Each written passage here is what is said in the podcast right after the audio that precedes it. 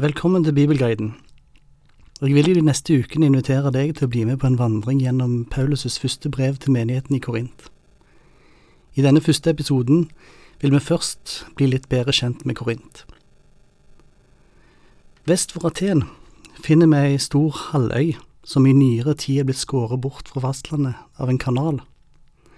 Her kan skipene seile i roligere farvann på vei til Italia ifra Tyrkia.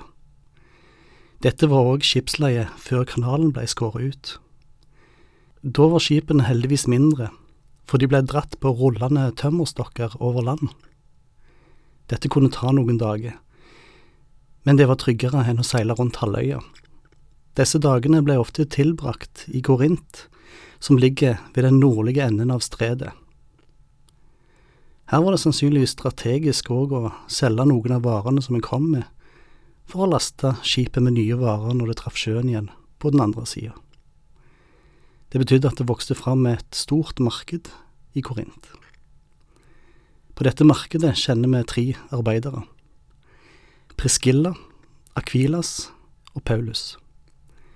De sydde telt, sikkert av stoff og av skinn. De var teltmakere på markedet i Korint. Paulus er den samme Paulus som er forfølga i apostelens gjerninger, som har skrevet så mange brev i Det nye testamentet til regioner, menigheter og enkeltpersoner.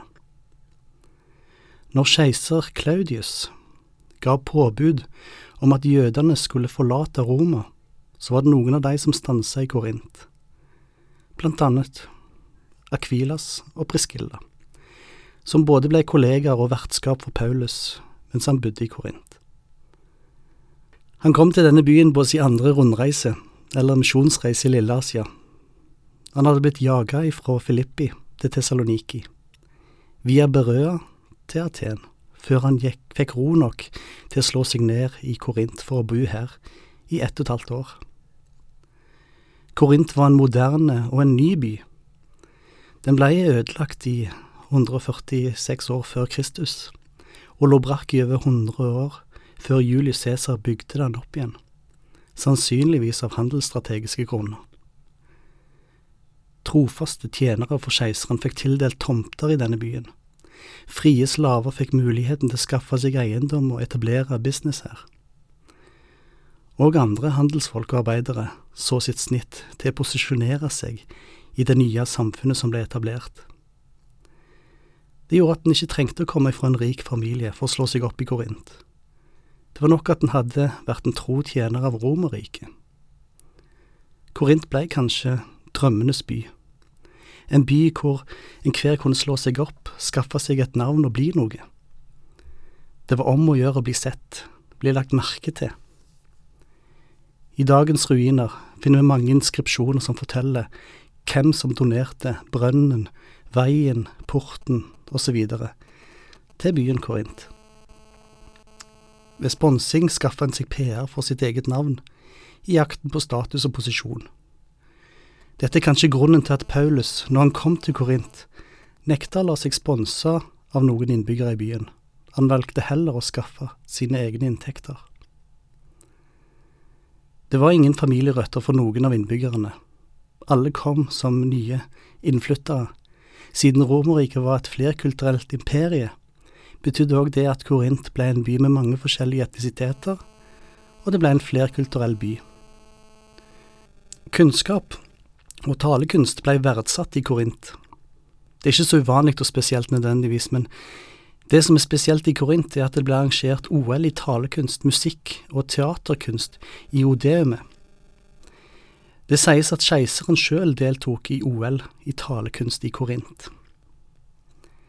Det er i lys av dette interessant å merke seg at Paulus kom til Korint etter å ha talt på selveste Aropagos, til de vise i Aten, hvor han viser en talekunst som mange har beundret i hittetid. Men når han kommer til talekunstens andre OL-arena, sier at han kommer ikke med talekunst, men med dårskap. Vi vil komme tilbake til det etter hvert. Hensikten med å bli litt kjent med Korint, er å forsøke å forstå referansene for det som blir sagt i dette brevet.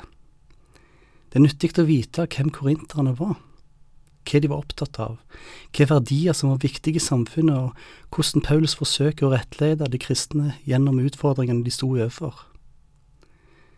Vi kan si at Korint fremstår som en by drevet av liberale, kommersielle og opportunistiske krefter.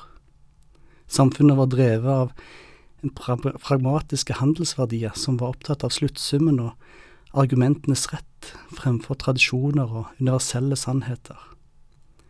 Men det var òg en by som tilbyr en ny start med nye muligheter. En flerkulturell by som inviterer til nye tanker og ideer. En by hvor det er vanskelig å finne en enhetlig kultur hvor vi finner mange subkulturer. En by av gjennomreisende betydde òg en by med moralske utskeielser. Det var òg en utfordring for de som bodde der. Men det var nok en by som følte seg både suksessfull og uavhengig. Det var en stolt by. Vi kommer tilbake til hvordan Korint gir innspill på hvordan vi forstår tekstene som ligger foran oss etter hvert som vi beveger oss gjennom dette brevet. Vi blir kjent med noen enkeltpersoner gjennom dette brevet. Disse personene viser oss at menigheten besto av mennesker med forskjellig etnisitet, at de kom fra forskjellige samfunnslag, og hadde derfor forskjellig posisjon i samfunnet. En hadde et stort hus som kunne huse alle husfellesskapene. En annen var leder i synagogen. Flere var sjefer, andre var offentlig ansatt. Men mange tilhørte også arbeiderklassen og de fattige i samfunnet. Det store forskjellen på fattig og rik førte til at det oppsto en samfunnsordning i Korint som ble kalt klientelisme. Det betyr at frie borgere sto i et avhengighetsforhold til mektige personer, som fordelte goder til sine støttespillere. Disse fikk makt og innflytelse over arbeiderklassen. Dette skulle dessverre òg påvirke menighetslivet. Jeg synes det er spennende å se dette bildet av Korint fordi det er mange elementer som minner meg om det samfunnet vi befinner oss i i dag. Det er et relativt langt brev vi nå skal ta fatt på, og mye av informasjonen vi har om Korint vil bli aktualisert mens vi leser oss gjennom brevet. Kanskje to–tre år etter at Paulus forlot Korint, sannsynligvis en vinter i Efesus, på sin tredje misjonsreise, så ber Paulus Sostenes finne fram pennen mens Paulus siterer det som skal skrives ned. Han ønsker å sende et brev til Korint. Så la oss lese begynnelsen av brevet. Paulus, som etter Guds vilje er kalt til Kristi Jesu apostel, og vår bror Sostenes, hilser Guds menighet i Korint, dere som er helliget i Kristus Jesus og kalt til å være hellige sammen med alle som hver på sitt sted påkaller vår Herre Jesu Kristi navn, Han som er deres og vår Herre. Nåde være med dere, og fred fra Gud vår Far og Herren Jesus Kristus. Paulus punkterer at det var Guds vilje å kalle ham til apostel. Det var ikke et resultat av eget ønske eller idé. Det forstår vi òg når vi blir kjent med Paulus sitt kall til å bli en apostel på veien til Damaskus, som vi kan lese om i apostlenes gjerninger. Hvem Sostenes er, vet vi ikke med sikkerhet.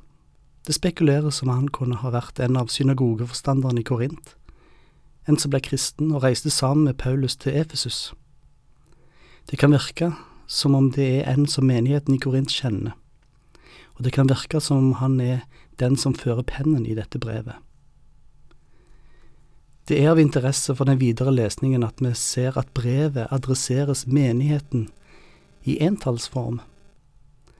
Vi vet at det var flere forskjellige husmenigheter i Korint, og Paulus adresserer dem med to forskjellige begreper. Det ene begrepet refererer til det lille fellesskapet, mens det andre henvender seg til enheten i Korint, når vi kommer sammen som én kan en si. Vi kommer tilbake til det. Her brukes begrepet eklesia, entallsformen.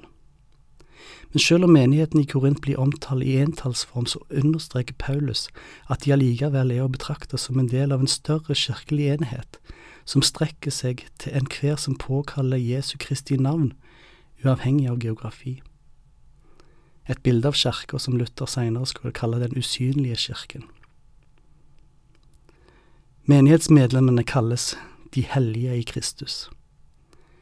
Helligheten er bundet til å få være i Kristus. De var ikke hellige i seg sjøl, men de var hellige i Kristus.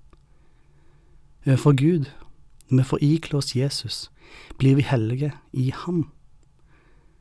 Hellig er å være atskilt. Å være kristen er å være atskilt fra verden og et medlem av et større legeme, Kristi universelle legeme. Vi stanser med disse tankene i dag, og vil hilse deg med ordene ifra Paulus. Nåde være med deg, og fred fra Gud og Herren Jesus Kristus.